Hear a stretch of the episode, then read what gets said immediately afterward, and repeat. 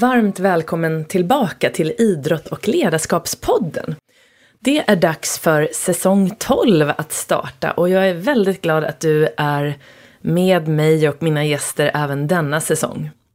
I det här första avsnittet av eh, säsong 12 så kommer du att få träffa, jag skulle säga Sveriges absolut främsta mentala tränare just nu och det är Stig Wiklund. Han är förutom mental tränare också inspiratör, föreläsare och författare och i över 30 år har han då jobbat med framgångsrikt med mängder av både idrottare, ledare och vanliga människor för att stärka dem mentalt. Och jag gör en större presentation här inne i avsnittet, men eh, i det här första avsnittet, för det blev nämligen två avsnitt med Stig, för vi pratade så mycket och eh, då är det ju så att Stig driver ett företag som heter Positiva Kicken. Så anledningen att jag bjöd in Stig från början var just hans förmåga att sprida positivitet och realis en realistisk positivitet ska jag säga. Någonting som jag tror att vi alla verkligen behöver, att kunna vara optimistisk men samtidigt ändå se sanningen i vitögat oavsett om det handlar om världsliga saker som händer eller om det handlar om vårt nuläget, kunna se nuläget i vitögat och ändå hålla sig optimistisk. Det är en mental styrka i sig. Så båda avsnitten handlar mycket om det men också såklart om vad det är som gör att vi kan bygga upp en mental styrka från grunden och hur Stig gör med sina coachingpersoner för att hjälpa dem bli sitt bästa jag och i hans fall har han ju då skapat mängder av världsmästare. Och i det här första avsnittet som sagt så kommer vi in mycket på hur du lär dig skilja på person, prestation, vad det är som gör att vi är rädda för att misslyckas och hur man gör för att lösa den spärren. Och jag själv blir också coachad faktiskt och blev också väldigt väl påmind om vikten av att själv göra de övningar som jag brukar då dela med mig av till er.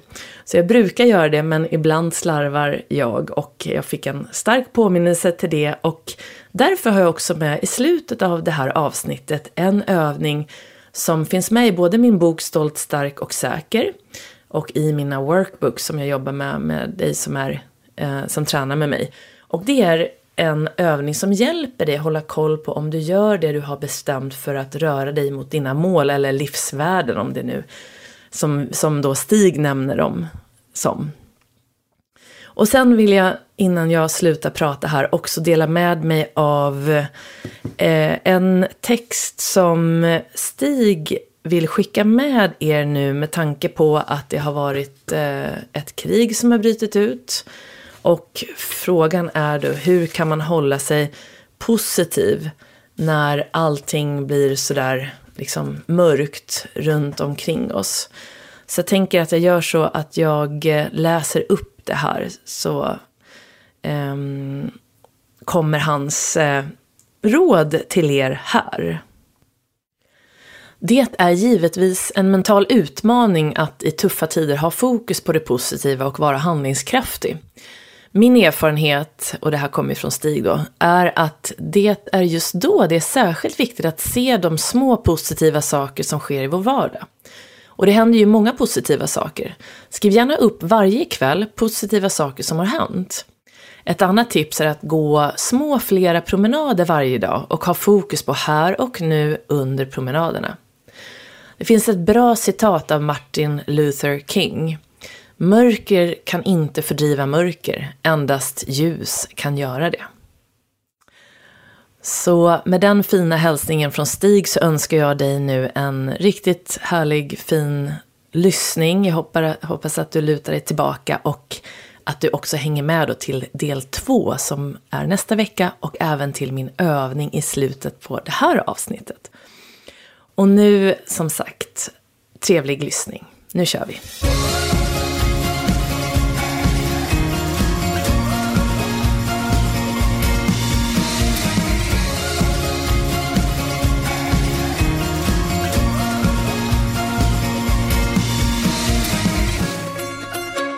Varmt välkommen tillbaka till Idrott och ledarskapspodden. Idag är jag mycket glad att få presentera min nästa gäst för dig, nämligen Stig Wiklund. Stig är mental tränare, personlig coach, inspiratör, föreläsare och författare.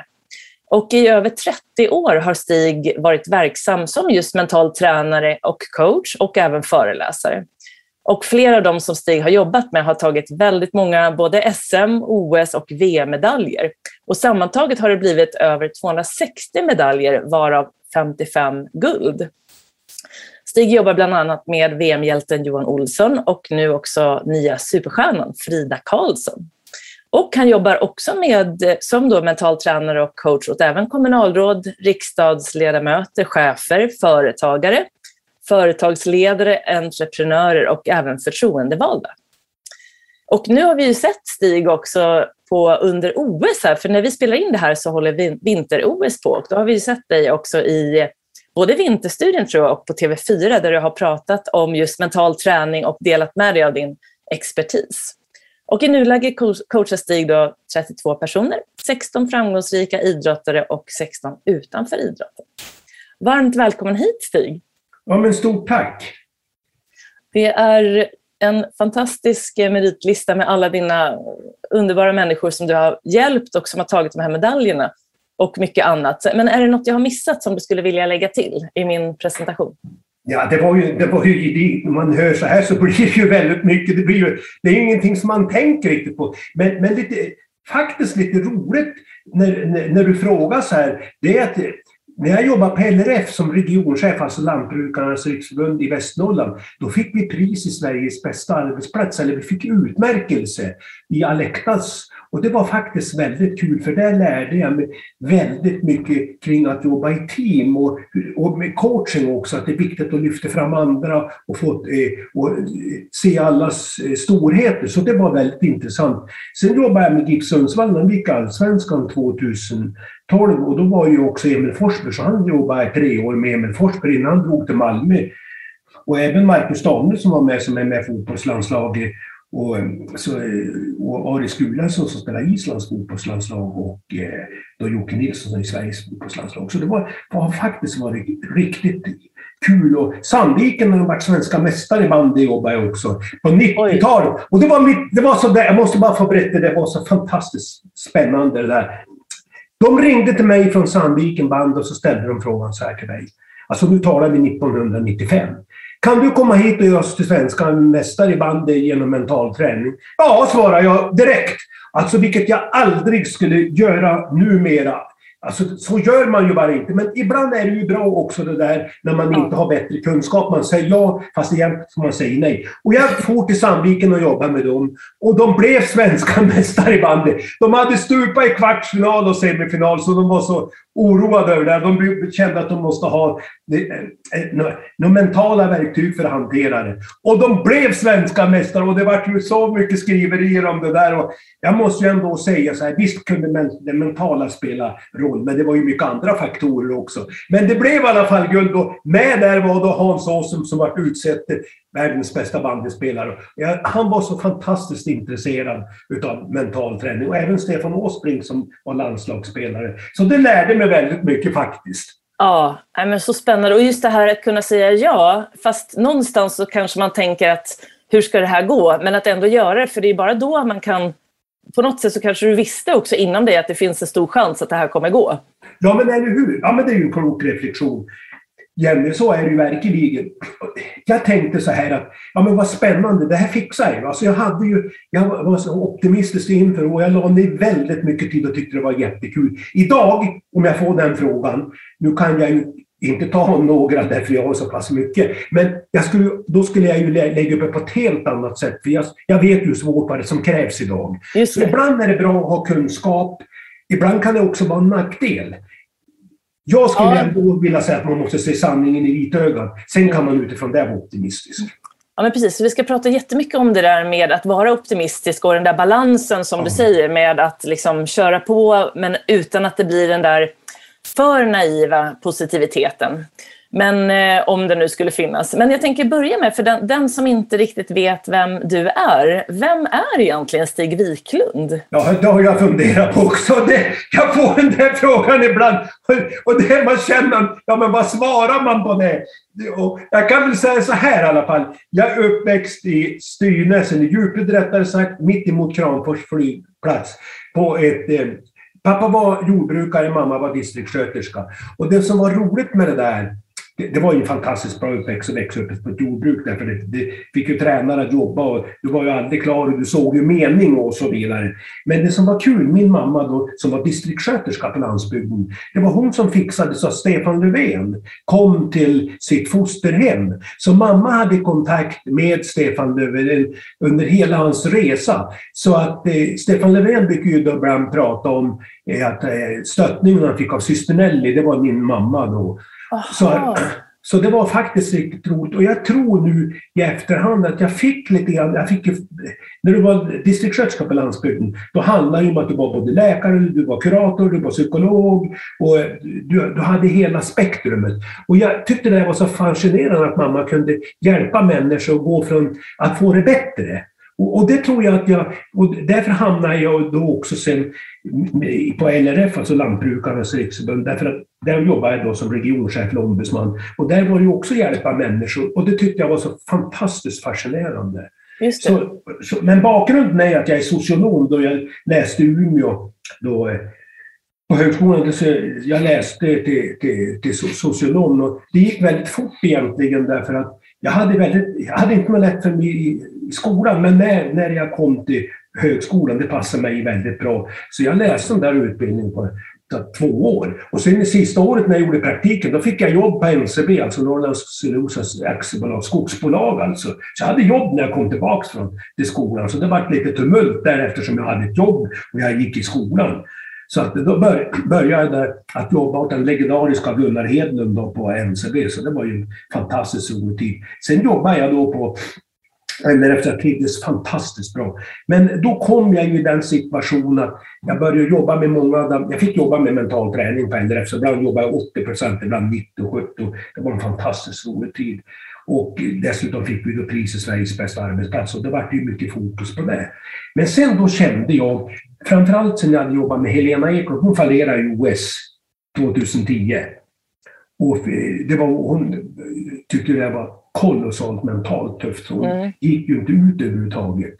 Och eh, då hade vi kontakt, så vi träffades den 15 april 2011. Och då började, eller 2010, direkt efter OS ska jag säga. Och sen så hade jag ett uppdrag till Helena. Det var att hon skulle komma tillbaka och ta VM-guld 2011. Ja. Och det gjorde hon också. Så vi hade en fantastisk Och så skrev vi en bok som heter Vägen tillbaka. Om den här resan. För Helena var ingen ungdomsstjärna. Helena, Helena hade väldigt svårt. Hon var ofta sist. Aha. Men hon hade en passion, en dröm att bli världens bästa skidskytt och så blev det. Ja, det är fantastiskt. Och sen då, då slutade jag jobba på LRF. Då ägnade jag mig åt det här. Det, nu pratar vi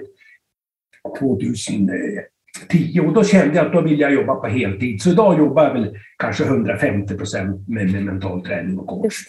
Så, och du gick ju på den här, jag tänkte, för du har ju skrivit också en bok med Lars-Erik Unestål. Ja. Som heter, för du har ju skrivit tre böcker. Ja. Och eh, de är man jätteintresserad av att läsa också, men den heter Huvudet. Jag tänker, Lars-Erik Unestål har ju var ju den som liksom grundade mental träning och jag tror att du gick de utbildningarna hos honom, eller hur? På ja, ledare. Ja.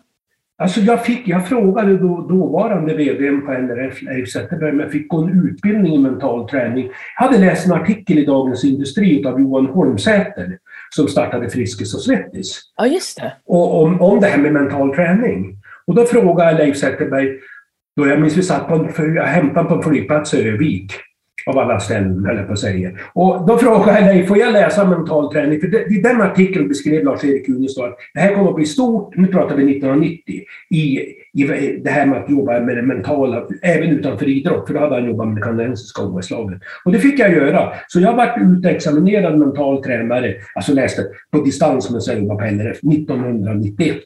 Och sen har jag då jobbat, och då har vi haft kontakt, Lars-Erik och då skrev vi först boken Vägen tillbaka med Helena Ekholm och sen då skrev vi eh, då, Våga välja eget spår med Anna Johan Olsson. Och där skrev Lars-Erik då förord. Sen skrev vi boken Huvudrätt, Lars-Erik Unestål och jag, Johan Olsson. Och där Johan berättade om mycket sina övningar som vi jobbar med. Just det, precis. Och eh, om man får fråga en fråga som jag vet att du brukar fråga dina elever ibland, har jag läst i alla fall. Det är, vad gör dig mentalt stark just nu? Exakt. Jag brukar alltid börja med den frågan. De får ta fram två saker som gör dig mentalt stark. Och eh, det är en väldigt bra frågeställning. Och det, I början är det ofta svårt. Jag brukar ställa en annan fråga innan jag svarar på frågan som är lite bra. Vilken är din främsta styrka just nu? Ja. Och många har svårt att svara på den frågan. Och det där blir ju att du tränar ditt mindset. När du kommer in i en pressad, svår situation, då skulle du kunna prata ja men jag är ju stark på det här. Jag är, ja, det här är ju min styrka. Just det. Ungefär så. Ungefär, så, så att, eh, det där tycker jag är fantastiskt bra att jobba över tid med. Mina, om jag skulle säga så här, min, mina två främsta styrkor, mentala, både främsta styrka och det som gör mig mentalt stark just nu, det är dels att jag tränar morse, jag tränar varje morgon, kan jag berätta mer sen. Alltså ja. körde jag träningspass och det gör mig mentalt stark att jag väldigt tidigt på morgonen kommer igång med att träna. Och sen gör det mig också stark. Jag tycker det är så fantastiskt roligt att få vara med på, på, på sån här sak som du gör nu Jenny. Bara för att få berätta liksom om mental träning, det gör mig väldigt stark. Jag, jag, har, jag känner en passion, vill jag säga det, att berätta om det här. För att många skulle må så bra att få jobba med det här. Ja, men jag förstår. Det, det var verkligen därför jag också ville att du skulle vara med här. För att just att sprida kunskaper för hur du kan både prestera på topp och må bra på vägen. Verktygen som jag upplever att eh, förmodligen du också jobbar med, är ju, de är, inte, de är svåra på ett sätt men också väldigt enkla så det är så viktigt att kunna sprida det. Men jag tänker, för du har ju jobbat med mental träning väldigt länge och eh, när ni höll på där i början, jag tänker på 90-talet, 80-talet, då var ju mental träning väldigt stort. Och, och, det kändes som att det skulle utvecklas och, och spridas och bli större och större. Eh, och sen undrar jag, hur tycker du liksom att eh, den mentala träningen har utvecklats sen dess fram, om, om man tänker hur många som jobbar med det fram till idag? Det är också en väldigt bra fråga. När jag började med mental träning, då var det ju, alla ville ha tystnadsplikt. Alla tyckte det var jättejobbigt att jobba, alltså berätta om det här med mentala, det fanns väldigt mycket fördomar om det. Och egentligen vändpunkten tycker jag blev när jag började jobba med Anna Olsson, alltså hon heter Dahlberg då, som tog OS-guld i Turin 2006 och är gift med Johan Olsson nu. Och eh, hon sa så här att många upplever att man måste jobba med mental träning för att man har problem. Jag vill bli bättre och utvecklas. Just det. Och, och, det tyckte jag var liksom ett, ett väldigt viktig bit. Och det var ofta så, upplevde jag i början, att det var, det var många var skeptiska. Och jag hade många landslagstränare som ringde, men varför ska de jobba med sånt där? Och de har ju inga problem. Och sen, det som kanske egentligen räddade mig, det var ju att väldigt snabbt, Johan Olsson var ju ute snabbt i, i, i tidningarna sa tack vare Stig Wiklund med mental träning som jag lyckas så bra. Det. Och, och, det betydde ju väldigt mycket. Så Johan gjorde ju en pionjärinsats där som var väldigt öppen. Att han, sa, han säger ju det, för i min karriär så har mental träning betytt 100 procent. Och det gjorde ju att det blev lite lätt. Och Helena Ekholm sa ju också det att eh, jag har aldrig kommit tillbaka som att jag började jobba med Stig Wiklund mental träning. Jag har aldrig tagit VM-guld.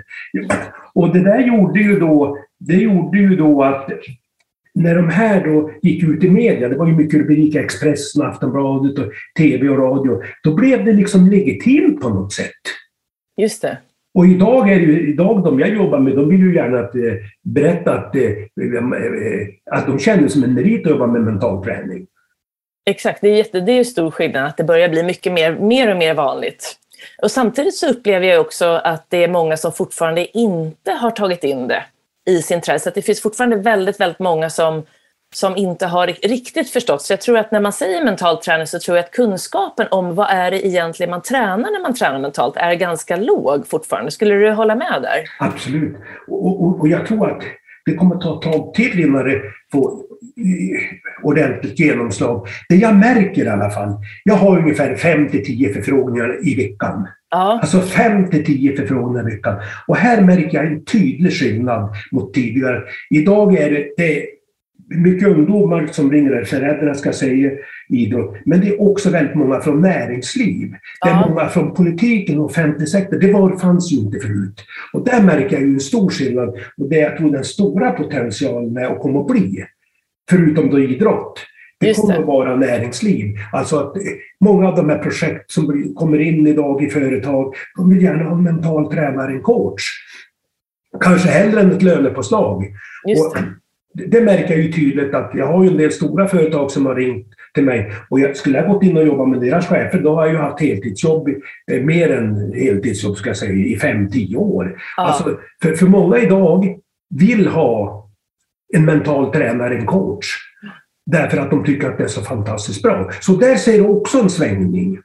Ja, vad roligt. Och när man, om det är någon som frågar då till exempel, säg att du är en person som, eh, du kanske är både idrottare men du kanske också är en person i arbetslivet då som vill prestera på toppen. Du känner att du kanske inte vet hur du ska göra, du mår kanske inte heller 100% säger vi, du kanske har problem med stress. Och så vet de inte, ska jag gå till en psykolog eller ska jag gå till en mental tränare eller ska jag gå till en terapeut?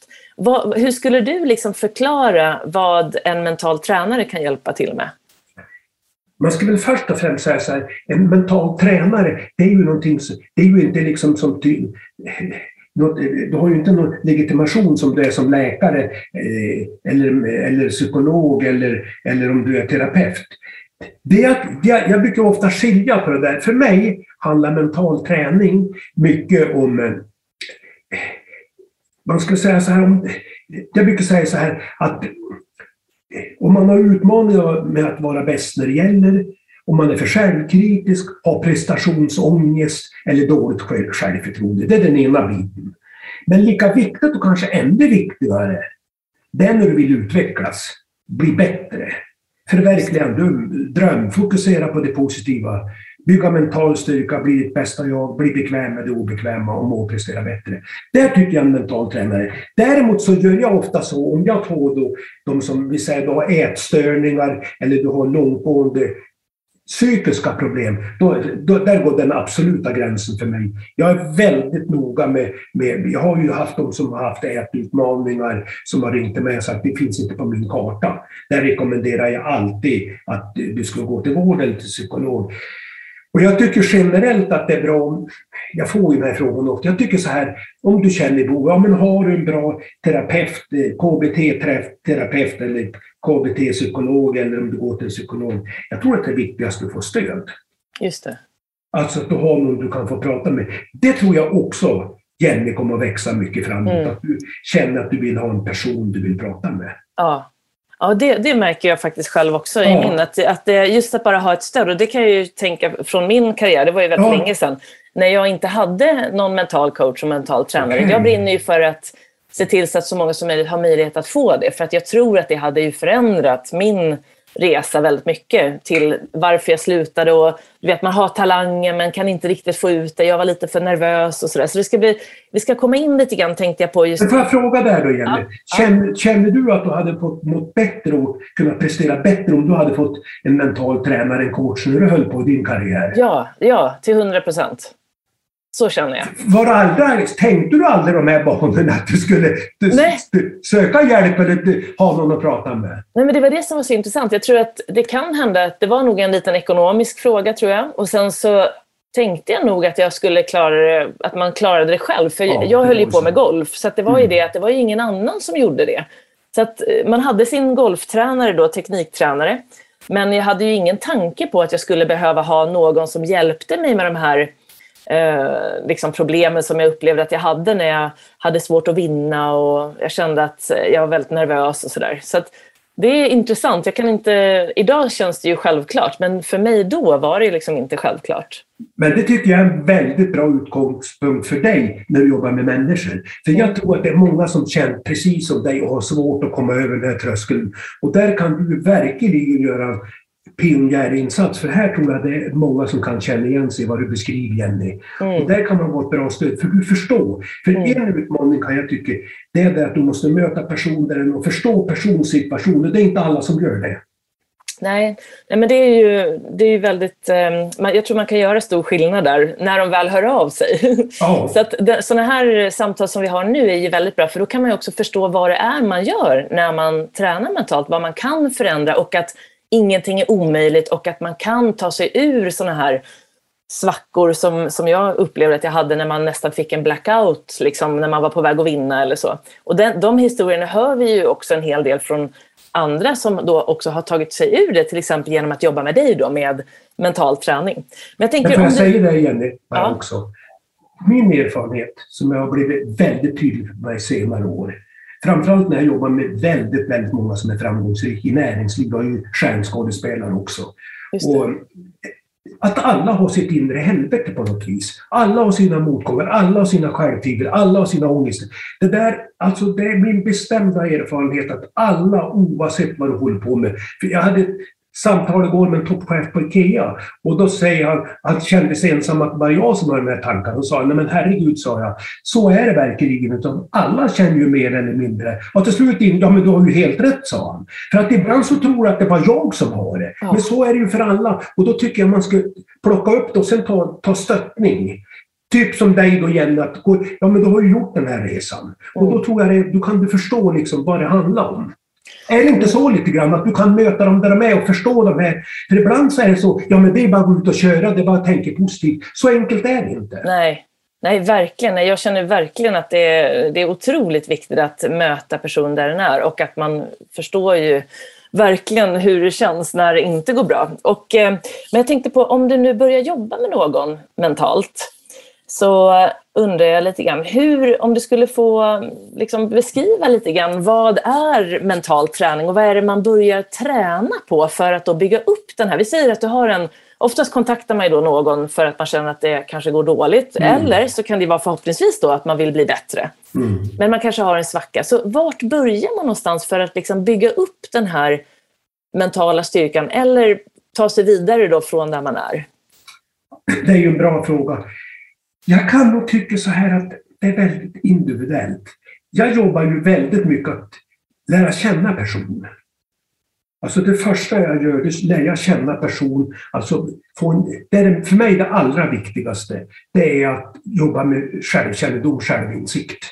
Och det har hjälpt mig så mycket. Alltså jag är egentligen inte så där jätteintresserad av prestation. Jag är mera intresserad av person. Ja. Just det. Så jag ställer mycket, jobbar väldigt mycket för att göra mycket övningar, att förstå sig själv, känna sig själv, fråga andra. Och så helt plötsligt blir det väldigt mycket aha-upplevelser. Man tänker, ja men är jag så här? Och funkar jag så här? Johan Olsson sa det, det bästa med Stig, det var ju att jag lärde känna mig själv. Jag kände mig inte själv. Nej.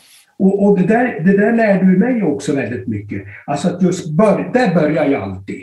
Alltså jag börjar där. Vem är du? Vem vill du vara? Och, och, och, och sen då, när jag jobbar då med de här som jag jobbar, då försöker jag träffas var fjärde, femte, sjätte vecka, beroende lite på vilken person det är. Och de flesta, alltså alla nästan jag jobbar med, Ja, det är ju ingen som slutar nästan. Och jag brukar säga, kan inte sluta så jag kan ta några nya. För att, som Johan har ju börjat i 2003 med, han jobbar ju fortfarande med. Sen har jag då Robert Berg, travtränare, som är en av Sveriges bästa travtränare, började 2003 med. Jag har ett kommunalråd, Thomas Mertzell i Storuman, som jag började 2003 med. Kristina Wallin Ikaros Rosen, entreprenör, nu har hon sålt. Men vi jobbar fortfarande. Och så är de, de flesta, alltså de, de, de slutar aldrig. Och då blir det både så här att du blir både lite bollplank, du blir lite coach och du utmanar och så. Och då tycker de att det är så bra så då slutar de aldrig. Nej. så att där, där är liksom, ligger ju, tycker jag, då utmaningen. Och det bygger väldigt mycket på det. Ja, men varför är det så kan man ju då fundera. För att du normalt sett pratar i coaching att du ska kanske jobba ett år. Jag tror inte för ögonblick på det. Min erfarenhet, ja men som Frida Karlsson, vi började när hon var 16 år. Vi jobbar ju fortfarande. Ja. Har i princip daglig kontakt idag via sms nu under Kina bland telefon. Och alltså det där tror jag liksom också... Jag tänker så här när jag går in och jobbar, jag säger alltid så här. Jag har någon ung tennisstjärna som jag började för något, några år sedan med. Då sa jag det, ska vi gå in och jobba, hon var bara 16 år då. Ja, då, då jobbar vi långsiktigt. Titta på 5-10 års horisont. Ja. Säger du det redan, pratar ni om det redan från början? Ja, eller börjar ja, du? Ja. ja, jag säger så här att om vi ska jobba lag Så då, då, jobbar jag långsiktigt. Jag är inte intresserad av kortsiktiga lösningar. Jag tror inte på det här att eh, du blir bäst i världen nästa år eller i, i år, utan det kommer att vara en långsiktig resa. Mm. Och då känner alla det här liksom någon form av inre tillfredsställelse att det inte är för, för kortsiktigt, utan det här är ett långsiktigt samarbete som jag går in med. Och därför tror jag också att jag får väldigt bra resultat. Därför du bygger, bygger en trygghet i det här att, att du känner ingen press eller stress. Det gör de nog mycket ändå. Nej, men precis. Det där är min erfarenhet också. Att när man börjar jobba med någon, att eh, oftast så börjar man med att man har någon form av mål. Man vill ja. nå, man vill vinna en tävling eller man vill ha ett visst jobb eller så. Men sen då, när man väl börjar titta på hur man ska nå dit, att titta mer på det som är just nu. Alltså titta mer på prestationen, mm. det dagliga och det du kan göra här och nu. För att resultatet blir ju sen då eh, att man vinner eller att man får det jobbet. Och att ta bort då pressen som kan uppstå kring att Åh, nu måste jag vinna eller mm. nu säger samhället att jag ska ha det här jobbet för jag har den här bakgrunden. Så, att, eh, och så, så, hur lär du, jag tänker på det här att, eh, att skilja då på den här prestation och person som är så viktig. Vad är det som leder till att man kan separera sig själv från sin prestation när ändå samhället är så himla Liksom, det är så lätt för samhället att säga att oh, men gud, de är så bra och, och, man säger att man är bra när man klarar av saker och lyckas och vinna och så. Så hur gör man för att liksom, lära sig separera det där? Skulle jag tycker det är en väldigt bra reflektion du gör, Jenny, som, som är väldigt viktig. Alltså för det här tror jag själva utmaningen. Jag tror det många går fel i det här, det är att du har för mycket fokus på prestation och att du ska ha snabba resultat. Min erfarenhet är precis tvärtom. Alltså jag är intresserad av dig, Jenny, som person, vilka kompisar och vad du gör och så vidare. Ställ frågor privat. Alltså, så, jag har alltid när jag lägger upp coachövningarna så har jag så här, eh, vilken är din främsta utmaning typ? Privat och jobbet. Två saker som gör dig mentalt stark på jobbet eller privat, eller jobb, du kan ju vara idrottare och håller på med. Och det där är så, jag kan ju alla. Jag, ibland brukar de säga att du är den person som kan mest om mig. Alltså jag har ju jobbat med, nu har det blivit mycket att jag jobbar med relationer eftersom nästan alla jag jobbar med, då kommer jag respektive med. Ja, då det. säger de ju det att du vet mera än min respektive om mig. Och det där är ju lite kul också. Och jag är genuint intresserad utav dig som person, Jenny. Kanske inte så där jättemycket att när du presterar alla gånger. Alltså, alltså jag är mera intresserad av att bygga det som person. Och där tror jag, det där, och det där känner ju folk att jag Det där brukar jag tipsa folk i näringslivet De blir så fokuserade på prestation så det blir kontraproduktivt. Intresserade för hela människan, intresserade för, för, hur du mår, hur du har det som överhuvudtaget. Och det där gör ju att du bygger upp en väldig tillit, kan jag ju tycka. Mm.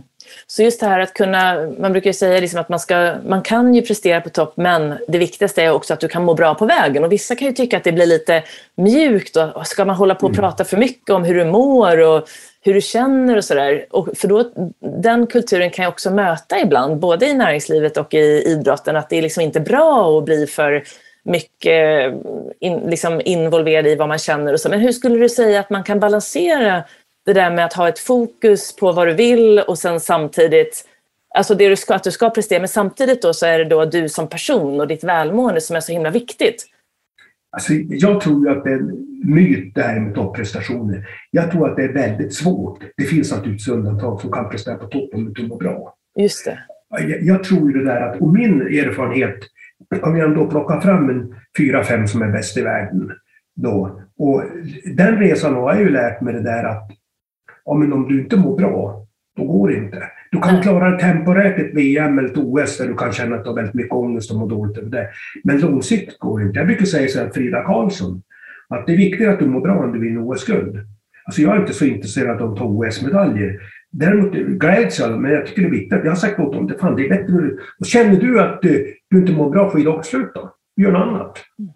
Och det där gör ju också att det blir en trygghet någonstans att ja, men jag bryr mig i dig, inte bara... För risken är det här, Jenny, som jag ser det, det är att du blir prestationen. Och till slut blir du mer rädd att misslyckas än glad att lyckas. Sådana har jag jobbat många med. Många som har ringt på världsnivå. Där, där, där, där jag hamnade. Jag, blir, jag är så rädd att misslyckas så att det, det blir så jobbigt. Och, och jag får ingen glädje när jag lyckas. Just det. Så, och vad säger du då till en sån? Hur kommer man tillbaka då? Om man börjar bli så där rädd för att misslyckas? Ja. Jag hade ett sånt där exempel, var en artikel med mig i travronden igår eftersom att jag har jobbat med mycket travfolk och då blir det att man får travhästar. Så har jag ja, just det. travhästar också. Så just det. Och, och, och då, så var det travronden med Jimmy Jonsson, den travde, eller han är första man hos Östen Tjomsland här i Sundsvall. Och då berättade han det att han vann en travhäst och så fokuserade han bara på liksom problemet fast han vann. Och då ringde jag upp och sa åt honom så här, men Jimmy sa jag, nu, får du, nu måste du fokusera på det som var bra, att du vann och vad du gjorde bra, inte på att du har kunnat köpa lite annorlunda. Men tack Stig, jag måste bara få börja jobba med det. Jag måste bara, det, här, det här är ju min stora utmaning. Och, och, och, nu har vi, och så blev det också, så jag har lagt upp lite sam, här, han bor i Sundsvall, här, ett, ett, både med personalen och han för att komma över där och han är ju otroligt tacksam över det. Därför han säger, känner så även om man vinner så mår han dåligt. Ja men så vad håller du på för? Då sätter du på ICA eller Konsum och börjar där då. Om det är så du känner. Ja men då har du ju rätt i. Så då får han ju skriva upp då tre bra saker som han gjorde i loppet. Ja. Och så jobbar jag ju med alla då att de då, det brukar Johan Olsson säga, den bästa övningen Stig hade. Eller han har två övningar som var jättebra. Dels att jag fick skriva tre saker jag gjorde bra och sen det här med utvärdering efter träning och tävlingar. Eh, tre saker jag gjorde bra, vad jag kan ha gjort bättre och hur. Ja. Därför att då blir det inte vad du gjorde dåligt. Därför Nej. risken med alla som tävlar, det är att du fokuserar på vad du gör dåligt. Mm. Det var det här jag lärde mig när jag jobbade med Anna Olsson och Helena Ekholm. Jag började bli tokig på dem. För när de kunde vinna tävlingar, Ja, då kunde vi prata efter tävlingen. Ja, du vet, det var så jobbigt den där uppförsbacken. Där förlorade jag så mycket sekunder. Ja, men du vann ju. Ja, men det, vet, jag skulle ha kunnat åka bättre. Ja, jag fattar inte varför jag gjorde så. Ja, och, så och så började de älta. Så, och till slut sa jag åt dem så här. Nu är det så här vad som gäller. Nu får ni älta en timme efter tävlingen. Sätt en timme nu så klockan är det, så sätt ni en timme. Ja, då gjorde de det och så gick ju, Och ältade och tyckte synd om sig själva och hela den där biten. Då. Och så efter ett tag, nu får du ta 45 minuter. Och sen 13, 15 och 10 minuter. Vi brukar skratta åt det där, både Anna, jag och Helena. Därför till slut klarar de det där. Och så får ni istället fokusera på vad ni har gjort, gjorde bra. Alltså risken är det här, när du blir så inne i det här tävlingsmomentet så blir det så här att du blir aldrig nöjd utan du ser bara problemen. Och till slut blir det ju det här att du blir mer rädd att misslyckas. Just det. Men så, jag vet att du är väldigt bra på just det här att följa upp med dem du jobbar med. Alltså det här med uppföljning och utvärdering. Jag tror att det är väldigt många som har lite svårt för det där. Man kan ju till och med... Eh, och, och, så hur gör du för att liksom... Säg att du har en... Eh, vi säger Frida eller någon av dem du jobbar med nu som nu är i Kina. Hur gör du för att liksom följa upp? Gör, har du någon kontakt dagligen som du sa då per jag, jag tror jag läste någonstans att du skickar något sms och frågar vilka mål de har ja, för alltså, dagen. Gör ja. du så med, med alla eller? Ja, alltså de, det är också lite olika hur de vill ha det. Mm. Frida är ju liksom speciell i alla avseenden. Hon är ju, jag brukar säga, jag sa det åt SVT någon gång, att hon är gudabenådad. Hon, hon är ju väl, hon får nu då energiövningar. Alltså där får hon tre saker gjort bra dag.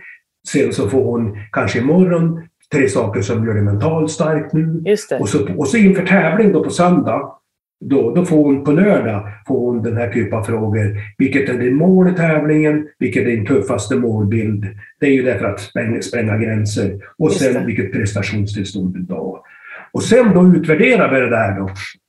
Och det här gör ju det att då blir hon ju väldigt mentalt stark. Och, och, och så jobbar ju med alla. Sen, sen är det ju så här att jag är ju alltid tillgänglig. Alltså, det där är ju både på gott och ont, men alltså, jag har ju alltid telefonpåslagen och de kan ju ringa och det gör de på lördag kväll, de kan ringa på fredag kväll, de kan ringa på söndag morgon och så. Och det där är ju ett sätt, alltså, för mig blir ju det här en livsstil. Alltså, och de vet ju, det var ju lite roligt när vi skrev boken Vägen tillbaka, Helena och jag, så satt vi med författaren Sara Olsson som skrev och så frågade Sara Helena, vad var det bästa med Stig då? Ja, jag kunde ju ringa till honom jämt. Ja, men sa du ring Men Helena, sa jag, du har ju aldrig ringt till mig. Nej, vad ska jag göra det för? Ja, men varför säger du Jag visste ju vad du skulle svara. Ja, men, sa Helena, så där, jag var ju så jäkla irriterad. Sen fattade jag ju poängen i det här. För hon sa ju det, vad ska jag, det var ju bara onödigt att ringa för hon visste ju exakt vad jag svara. Men var, hon visste ju att hon kunde göra det. Och då berättade hon det. Hon, och när jag åkte och tävlade, det började ju gå jäkligt bra för hon då. Och då sa hon så här, på ena axeln hade jag, hade jag, hade jag dig och Pissler på den andra. Och det var, jag, jag ville inte, någon, ingen av er skulle få någon trumf på mig. Så jag visste det att det är bara och, och då fick hon jobba med tre mentala nyckelord. Jag är stark, jag är tuff, jag är bäst när det gäller.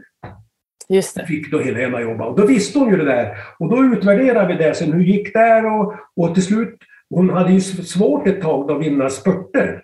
Och så sa jag, men vad vill du? Ja, men jag vill ju vinna spurter. Ja, men då får vi fokusera på det. Jobba då med, med mentala nyckelord. Typ, jag är, bra, jag är världens bästa på spurt. Eller jag är eh, bra spurtare, hade vi rättare sagt. För världens bästa, det kan vi inte påverka, men bra spurter. Och helt plötsligt började hon och vann och så ringde hon och sa Vad är det som har hänt Stig? Jag vinner ju alla spurter. Ja men sa var inte det vi jobbar med? Jo, det är ju sant, sa hon. Ja. alltså för att ja. det vart ju ångest det där. Istället ja. så har vi bara liksom bestämde sig att jag är en bra spurtare. Ja. Så ibland är det ju små men marginella saker som kan göra eller skillnad som gör skillnad mentalt. Sådär. Just det. När man hittar det där. Och så, så, ja, förlåt, förlåt. Nej, fortsätt. Jag är klar. Nej, men jag tänkte bara på det här att just när man får den här rädslan för att misslyckas eller rädslan, man, vet, man känner att det finns någon rädsla men så kanske man inte riktigt vet vad rädslan är. Vad är det egentligen jag är rädd för? Det är någonting som händer när jag kanske går upp på en tävling. Från, träning går det bra men på tävling så blir jag, någonting händer. Eller om du ska prata inför folk på företaget eller det är någon speciell eh, miljö som du har lite så. Hur, hur lär man sig förstå vad man egentligen är rädd för så att man liksom kan börja möta dem?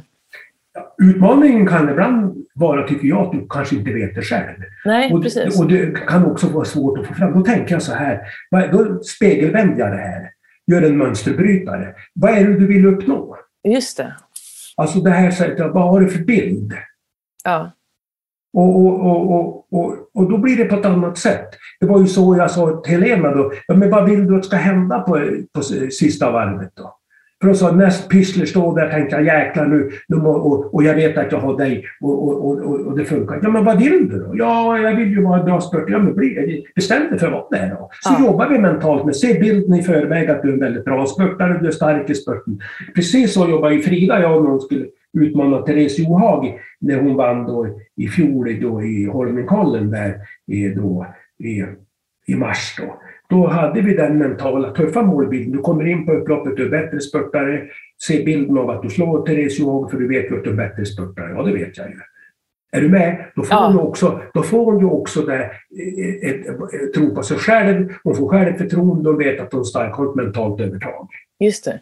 Och, där, och det där är ju också viktigt att möta de här. Sen brukar jag ibland, man säger, det kan ju ibland vara rädslor som du måste utmana. Då måste du ha med dig ett scenario. Om du känner att det är väldigt tufft att gå en uppförsbacke eller om du åker slalom exempelvis. Att, då måste du kanske bearbeta, jobba med det här.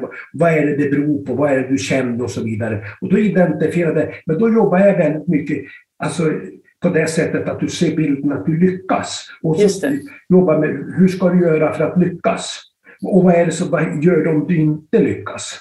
Just det, precis. Och jobbar du då med, för du vet i mental träning så, så finns det ju ljudfiler oftast och för att lära sig då visualisera och för att göra de här programmeringarna då så att kroppen ska förstå vad den ska göra även under press så brukar man ju prata om målprogrammering eller visualisering. Jobbar du också med ljudfiler då så att de får den här eh, bilden ännu starkare eller det, kan de, gör de det själva så att säga?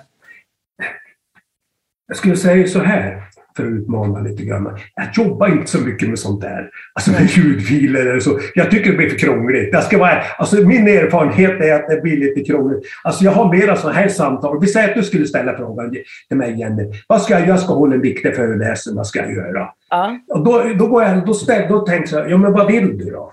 Ja. Ja, du kanske vill att det ska bli bra, att du ska lyckas. Du vill ha en bra inledning, ett bra avslut och bra, i, i, bra, tre bra saker som du vill ta upp som är viktiga. Just det.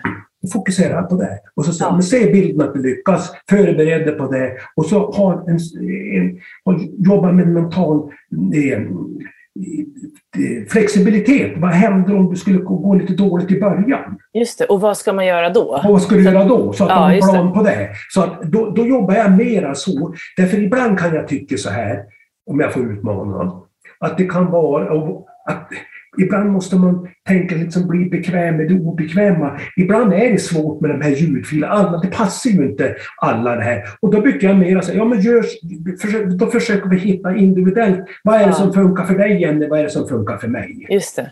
Det där kommer säkert, din, du har så mycket erfarenhet också, så då, med tanke på alla du har träffat, ja. att man har väldigt olika behov. Så det där ja. är ju en väldigt mycket av en grundträning kan man säga. Eller hur? Och då kan, kan man liksom avvika från det, men det är ändå lite samma tänk så att säga. Absolut. Fast man kanske inte behöver sätta på en ljudfil då alltid. Nej. Men Nej. jag gör en annan sån där, jag gillar ju att gå utanför Alltså att bli bekväm med det obekväma. Många är coachade kan jag sätta mig mitt i en matsal. Alltså det får du ju bara inte göra. Alltså du får inte, om du och jag har ett samtal så här, vi träffas i Stockholm, du vill ha du coachar mig eller coachar mig, spelar ingen roll. Ja. Ja, men då skulle du sätta dig i något slutet rum någonstans och helst nästan släcka lyset så att du inte ser någon. Jag gör precis tvärtom. Jag, jag sätter mitt i en matsal. Så gör jag med Johan Olsson har jag gjort med Frida Karlsson. Ja. Och, och, varför gör jag det? Jo, därför att du ska träna att vara bekväm med det obekväma. Ja, jag förstår. Just alltså, det. Då bygger du upp en mental tuffhet. Ja. Istället för att sätta dig och liksom, det blir så värdeladdat. Här sitter du, tänder ett ljus och det ska vara djupa samtal. De är ju nästan så att de får ångest bara av det. Jag ja. mig mitten, kan sätta mig mitt i en matsal. Vi satt ofta, Johan och jag, på Scandic.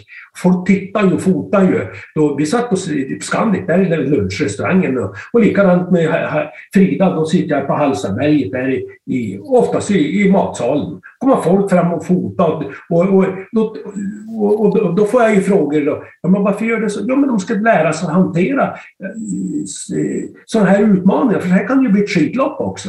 Just det. Och då är, har du ju byggt mental styrka.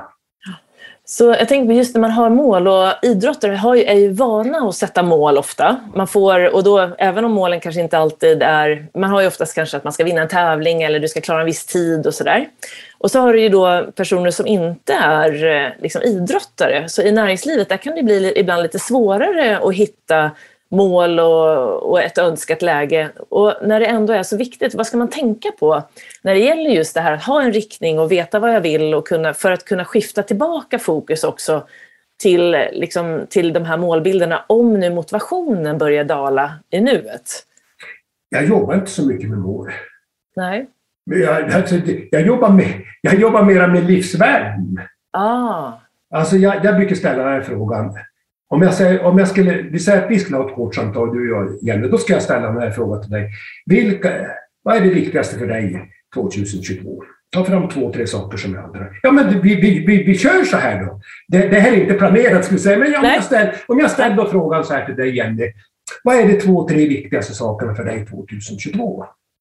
För då kan vi köra ett sånt här som ungefär... Ja, men då testar vi som ett litet... Liksom, som, ja. som jag gör då. Vi säger ja. nu att någon av de här som jag jobbar med skulle ringa. Då ska jag ställa frågan så här. Vad är de, ja. om du skulle då svara, vad är de viktigaste sakerna för dig, Jenny? Två, tre ja. saker viktigaste för dig. Ja, nej men, eh, i år, det viktigaste var en närvarande mamma. Ja. Och jag vill också fortsätta göra skillnad i mitt företag, alltså driva som en värdefull verksamhet brukar jag uttala. Liksom. Mm. Och, eh, och sen att jag ska vara noga med att ha en stark och lugn kropp. Att jag ska träna och liksom, men ändå ha lugnet. För jag kan gärna ibland bli, det, det blir lite för mycket ibland. Ja, men där är du unik. Så att, det, det, ja. då, blir, då, blir, då blir nästa fråga så här. Ja, men vilka, vilka konkreta beteenden gör du för att vara närvarande? Mamma, vad gör du för att göra skillnad och så vidare? Är du med på mitt resonemang? Ja, just det, precis. Vad gör du då? då? Alltså ta ja. det bara lite, bara, vi, vi ja, jag tar, tar lite, precis, lite allmänt. Ja, nej men precis. Så om jag skulle titta på närvarande mamma så är det ju att om jag nu, när jag då är med barnet, att jag försöker vara närvarande så att jag lyssnar och inte håller på med datorn samtidigt som de pratar utan att jag försöker ge dem verkligen tid. Eh, till exempel med läxorna säger vi, det kan vara en sån grej. Eh, Får jag då fråga så här, nästa fråga på det, ja. det, det är ju riktningen. Men vad gör du om du inte lyckas? Ja, precis. Då blir jag jätteledsen. Ja, men, ja, men det är ju inget svar på frågan. Nej, jag skojar. Att, eh, vad, vad, vad, vad vidtar du för åtgärder då? då? Om jag inte har gjort det, om, om jag ser att det, nu har jag inte varit en närvarande mamma. Ja, men precis. Säg att det inte det där riktigt funkar som du vill. Ja, men exakt. Nej, men det, är, det, det är en jättebra fråga. Um, då försöker jag ju titta på vad var det som gjorde att det inte blev så. Och oftast är det ju då att jag har något jobb istället. Någon föreläsning som dök upp eller eh, jag fick en resa som jag behövde ta. Eller, så det är oftast jobbet som, som stör just den. Och då försöker jag bli bättre på att planera. Exakt. Och hur utvärderar du det då? Att du, du gör de här grejerna. Ja, men precis. Det är där jag skulle ju behöva ha en egen mental coach, tänkte jag säga. En sak som jag jobbar då mycket med, om du förstår mig rätt, det är, jag är väldigt noga när jag jobbar så här, att alla de här övningarna, de jobbar jag själv med. Mm. Därför jag kan ju tycka, vi säger om du jobbar med livsvärden, då, då kan man tänka sig detta ska känneteckna mig, mig min värderade riktning. Mm. Detta ska jag göra för att gå rätt riktning. Alltså då blir det aktiviteter och beteenden. Mm. Och tre då, detta kan få mig att gå en annan riktning. Alltså att jag, som du säger, ja, men jag kanske har för mycket annat. Och det fjärde steget, detta gör jag när jag går i en annan riktning. Och så blir det aktiviteter och beteenden. Det kan vara att jag har använt en mönsterbrytare, jag, kommer till, jag reflekterar kring det. Och sen det femte, vad är din plan för att oftare gå rätt riktning? Då blir det självutvärdering. Mm. Och då kan man ju göra det varje söndag. Typ då. då mm. utvärderar jag det här då för att eh, jag ska kunna hantera det här. Mm. Och när, du har en, när man märker då att man har ett hinder och så försöker du liksom, du mm. vet hur du ska göra, du kanske har de här övningarna. Jag har till och med en liten sån workbook som mina elever får. Och så, så är det ändå det här att det ändå inte liksom blir av. Vad tror du, vad brukar vara det största hindret att man inte gör det man vet att man skulle behöva göra? Det, det är också en väldigt intressant och bra fråga. Jag tror många gånger att det inte är där. Då backar jag oftast. Därför jag kan, då ändrar jag, för en del är ju väldigt på. andra de har ju utmaningar att hantera. Då kan man fundera så, ändra är det inte moget. Jag brukar jobba mycket med det här tankesättet, det är moget när det är moget. Det är därför jag jobbar, för jag har lärt mig det, jag jobbar ju med många som är väldigt framgångsrika, men lika fullt är de inte riktigt där. Och då kan man fundera, vad beror det på? Ja, det är inte moget. Du och jag kan inse det på ett intellektuellt plan. Säg att jag coachar dig, Jenny. Och du mm. inser det här på ett intellektuellt plan. Men du gör det inte ändå. Och det bygger på att du är inte riktigt där. Det är inte moget riktigt i din hjärna. Men det kan vara moget om tre månader, ett år. Och då måste man ha tålamod. Ja, och bara fortsätta och ja, fortsätter. Ja. Och, och, det är där det är bra att ha en stöttning då såklart, ja. för någon som hjälper dig att följa exakt. upp. För det är ju det som jag kan uppleva i alla fall, att om man tänker när man har en, en tränare själv, att det är ju för att man vill ha hjälp med just den här biten, att ta sig framåt. Men till slut så är det ju skönt om man kan vara självgående också. Ja, absolut. Sen kan jag ju tänka så här också, blir man någonsin fullt självgående? Nej, precis. Nej. Det är ju en evig resa egentligen. Ja, ja. E egentligen kan jag tänka lite sådär att det är en evig resa och det, det här är och det är det jag ser ett lite skifte nu, som jag säger. Det är därför många som jag jobbar med, de vill fortsätta jobba. Och, och, de betalar ju också väldigt bra, därför de tycker att det är viktigt. För det är också lite tokigt ibland att man blir lite för billig och man, alltså du hamnar i det här med att du, du får empati.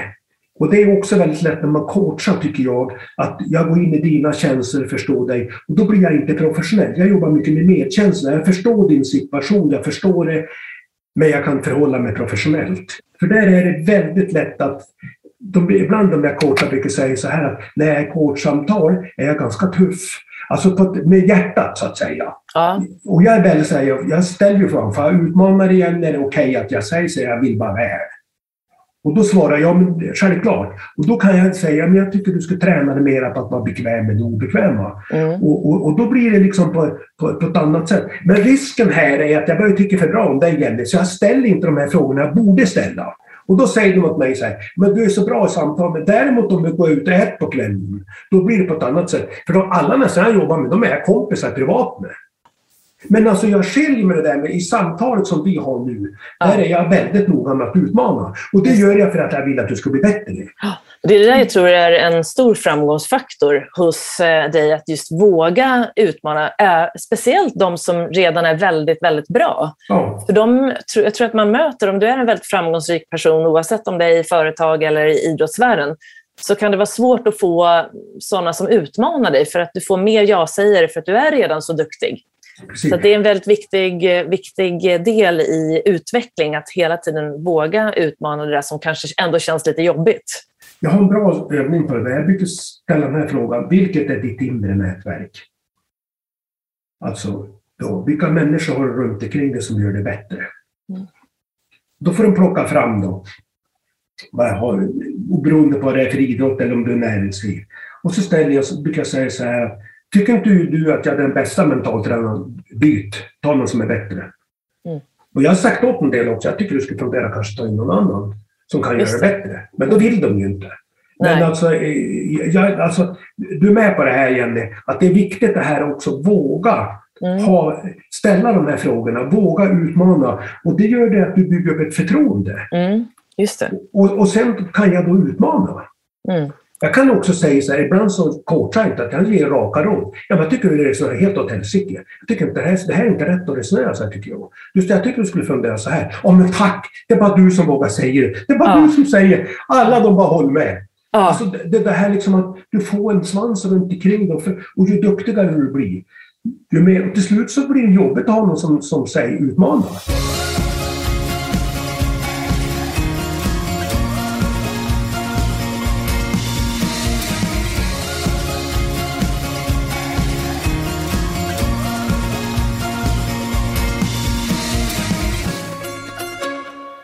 Då har du fått lyssna till den första delen av mitt samtal med Stig Wiklund och jag hoppas att du har fått med dig en hel del saker och kanske både råd och tips som du kan då föra in i din egen vardag. Och som jag nämnde där i början då så blev jag ju coachad här och eh, jag blev påmind om vikten av att följa upp om man gör det man har bestämt för att så att säga nå sina livsvärden eller nå sina mål. Och den övning som jag nämnde den finns då på sidan 211 i min bok Stolt, stark och säker. Och också i målbildsträningen i den workbook om du har den att jobba med. Och eh, det är en övning som Lars-Erik Unestål har gjort från början och som jag har då eh, omformulerat lite grann. Men det är en aktivitetsprioritering kan man säga. Och det är ett sätt att följa upp då om du gör sådant som leder dig till eller från dina mål. Och som jag nämnde då så var ju mina tre livsvärden, eller min, mina tre fokusområden i år, eh, det var ju då att vara en närvarande mamma, att driva en värdefull verksamhet och även att ha en stark och lugn kropp. Så då har jag ju valt att ta några saker ur de viktigaste områden som jag tycker är viktigast för mig just nu. Och det här kan du ju också gärna fundera på. Ehm, det här är också någonting som finns med i, eh, i min bok om du vill ha hjälp med det här med att eh, hitta just vilka dina önskade lägen är för det här året. Och ehm, du kan ju också lyssna på den här podden i avsnitt 54 tror jag att det är, 53 eller 54 där jag pratar om just målbildsträning och hur du gör för att hitta dina önskade lägen. Men åter, för att återgå då till den här övningen så säg att du har då de här tre eh, målen, de här tre fokusområdena. Då kan du göra så att varje kväll innan du går och lägger dig så kan du ha den här lilla aktivitetsprioriteringstabellen som jag också lägger med som bild eh, här nedan med en länk till den här bilden då. Eh, och eh, då har du då, säg att jag har, mitt första mål var ju att vara en närvarande mamma. Så på kvällen när jag går och lägger mig så går jag då igenom dagen och så går jag igenom, har jag gjort något som har så att säga lett mig, som har gjort att jag har varit en närvarande mamma? Och då kan jag börja från morgonen och eh, till exempel så åt jag frukost med barnen i full närvaro. Och det är då en aktivitet som man då kan skriva i, i den här tabellen på vänster sida. Och så har du då en eh, siffra från 1 till 7 där siffran 4, 5, 6 och 7 är det är det sätter i om det här, den här aktiviteten leder dig till ditt mål. Så just att äta frukost i närvaro med mina barn, det var ju då en sjua, så det var ju väldigt klart en eh, aktivitet som, som jag tyckte hade med det att göra. Så kanske jag går vidare under dagen, så när jag var på jobbet till exempel, och mm, då var jag ju inte närvarande, så där fick jag inte någon poäng. Ehm, men sen så kommer jag hem och säger då att jag kanske sitter och jobbar så kanske ett av mina barn kommer in och frågar någonting och så säger jag så här Nej men eh, nu får du göra din läxa själv, jag, jag kommer strax. Den, då, om jag skriver ner och går igenom dagen och så tar jag upp den där situationen att jag satt och jobbade på kvällen. Den var ju verkligen ingenting som ledde mig till att vara en närvarande mamma utan den kanske till och med drog mig ifrån det målet och då är det kanske då en trea där. Och så fortsätter du då på det här sättet vad gäller dina aktiviteter du har gjort under dagen i förhållande då till de mål du har. Och så kan du göra så här dagligen. Eller om du tycker att det är jobbigt att göra det dagligen så kan du göra det då på söndagen varje vecka för att liksom säkerställa att du gör de, de flesta aktiviteter, att de, de flesta aktiviteter du gör leder då till dina mål. Och ett mål kan ju också vara att du ska vara Ehm, att du ska vara bättre på att inte ha mål. Eller att du ska kunna slappna av och inte jobba. Ehm, du kanske vill kunna koppla av mer och så vidare. Så alla har ju sina egna önskade lägen. Så du kommer förstå det här när du också ser den här tabellen. Men jag hoppas att eh, förklaringen var bra. Och så återigen, det handlar om uppföljning och att Helt enkelt se ifall du gör det du har bestämt. Och om det nu skulle vara så att du inte har några aktiviteter som leder mot dina mål, då är det ju antingen så att dina mål är något som du innerst inne egentligen inte vill, det är inte tillräckligt viktigt för dig. Då får du titta på och gå igenom dem igen. Eller så kan det vara att du eh, behöver ändra, som sagt, de här målen eller bara omformulera dem. Eh, då kan du gå tillbaka, återigen, du kan gå tillbaka till det här avsnittet om målbildsträning där jag också tar upp det här om din motivation dalar i nuet och hur du kan ta hand om det då. Så med det sagt så är den här första delen med Stig eh, slut. Men jag hoppas verkligen att vi ses nästa vecka. Och vill du lära dig eller läsa mer om Stig så har han ju då sitt, eh, sin hemsida positivakicken.se och eh, du kan också följa honom och hans råd som han ger varje dag på LinkedIn eller på Instagram. Och då söker du bara på Stig Wiklund under med W. Så jag kan rekommendera att du följer hans dagliga tips för det kommer hjälpa dig hålla optimismen och din positivitet uppe med den här realistiska vinkeln till det. Så ta hand om dig och eh, så ses vi snart igen. Hejdå!